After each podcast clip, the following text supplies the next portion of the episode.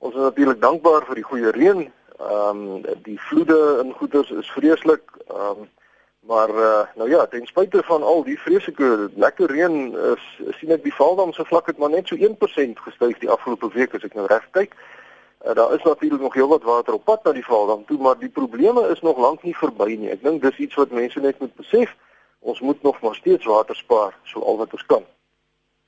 Maar vanoggend wil ek graag gesels oor 'n brief wat ek van meneer Pieter Gryiling van Sekuna af ontvang het.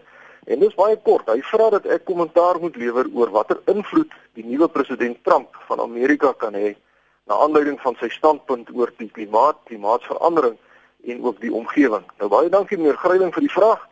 En ten spyte van die feit dat ek dink die meeste mense is in hierdie tyd al redelik keelvol vir die Trump sage, is die onderwerp tog belangrik genoeg dat ek ook dink uh, ek moet maar 'n stywer in die arm wees gooi.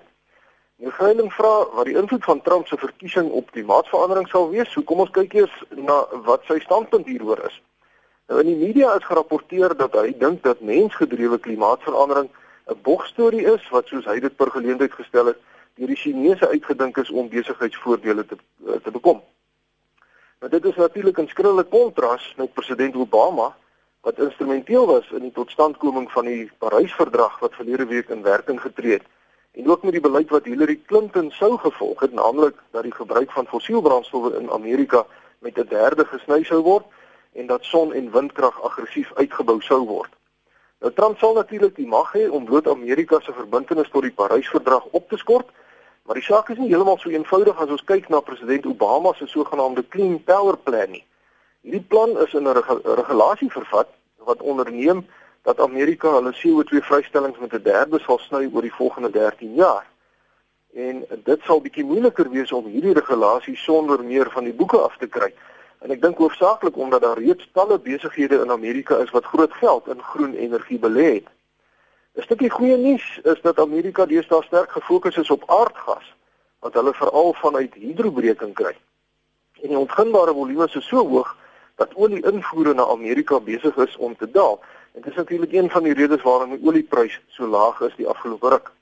Nou een van die voordele van aardgas is dat die invloed op die omgewing heelwat laer is as olie of steenkool.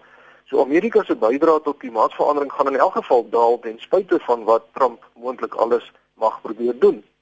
Ek dink iets wat ons nie uit die oog moet verloor nie is dat Donald Trump nie onnosel is nie. Ongeag daarvan of jy met sy kontroversiële standpunte saamstem of nie. Hy is baie duidelik nie geskool in politieke nuances nie en hy's gewoond daaraan om 'n ding reguit te sê soos hy hom sien. Hy maak nou nie eintlik 'n hart van sy moordkuil nie, sou party mense sê, maar jy bou nie so 'n magtige sakeryk op as jy nie intelligent is nie. En die twee dinge wat Trump meer as enigiets anders motiveer, is die nasionale belang van Amerika en dan natuurlik geld. Nou as 'n mens dit besef, dan begin mens so ietsie verstaan van Trump se sienings, want die klimaatberade tot dusver het deurgaans 'n groot element bevat van armer lande wat geld eis van ryk lande met die beskuldiging dat die ryk lande lustig die omgewing opgevoeder het toe hulle hulle eie ekonomieë ontwikkel het. En nou dat hulle klaar ryk is, nou kom hulle met eise vir 'n skoon omgewing wat die armer lande se vermoë om ook ryk te word ernstig knielter. Nou die wêreldberade was dus tot 'n mate 'n klomp polities korrekte beskuldigings en 'n gekibbel oor geld. En soos ek vir Trump nou opgesom het, sal hy bloot vir die armer lande sê dat dit hulle eie probleem is as hulle tot dusver nie in staat was om hulle eie hulpbronne te ontgin en hulle eie ekonomieë uit te bou nie. En hy sal daarom onttrek uit sulke berade uit en daarop fokus om Amerika bloot nog ryker te maak. Nou as mens kyk na kommentaar in die media op Trump se verkiesing, dan is dit deurgaans negatief. En die algemene siening is dat Trump se verkiesing enorme skade gaan aanrig aan die nasionale sowel as aan globale pogings om aardverwarming te keer. Edward Meybach, die direkteur van die George Mason Universiteit se sentrum vir klimaatsverandering kommunikasie, sê dat klimaatsverandering eenvoudig nie hoog genoeg op die agenda van die Clinton kamp was nie. Maar die gevolg dat min mense aan Trump se moontlike invloed op klimaatsverandering gedink het toe hulle hulle kruisies getrek het. Hulle het aan ander goed gedink. Nou ja, meneer Greiling het gevra wat my mening is oor Trump in die Withuis en ek moet sê dat ek nie heeltemal so pessimisties is oor hom soos die meeste mense nie. Uh, dis spesifiek oor klimaatsverandering. En die rede vir my siening is juist die twee dinge wat Trump se optredes en idees rig, naamlik Amerika se nasionale belang en geld. Kom ons kyk eers na die nasionale belang van Amerika. Stygings in die seevlak het reeds 'n beduidende invloed op veral die suide van Amerika, waar groot dele van die morasse deesdae gereeld oorstroom word en ons sien dit ook in die laagliggende stede soos Miami, New York en New Orleans waar dele van die stede gereeld onder waterskade deurloop. Dat die versekeringsindustrie se data wys 'n duidelike toename in eise wat met klimaatkatastrofes gepaard gaan. En hierdie effekte van klimaatsverandering gaan nie skielik verdwyn nie. En die enorme hoeveelhede geld wat ter sprake is, gaan Donald Trump se aandag definitief baie vinnig trek. En hy sal waarskynlik kort voor lank besef dat dit wel in Amerika se nasionale belang is om te help om klimaatsverandering te bestry. Die tweede ding wat ek dink Trump motiveer is natuurlik geld en hy sal as suksesvolle sakeman ook vinnig besef dat daar geweldig baie geld te maak is in groen energie. En ek praat nie net van in die private sektor nie, maar ook in die ekonomie van Amerika.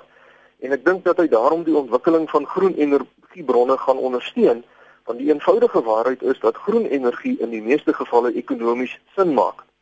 'n Derde aspek is dat alhoewel Trump die verkiesing gewen het, daar meer individuele Amerikaners is wat vir Hillary, Hillary Clinton gestem het as wat daar vir Donald Trump gestem het. Uh, en natuurlik is alle Republikeine wat vir Donald Trump gestem het nie oningelig wat klimaatsverandering betref nie. So na my mening is daar waarskynlik meer mense in Amerika Ehm um, as andersins wat die studente oor klimaatsverandering steeds in ooreenstemming met die hoofstroom wetenskap is. En ek dink Trump sal vinnig agterkom dat 'n president in Amerika definitief nie kan maak en breek soos hy wil nie.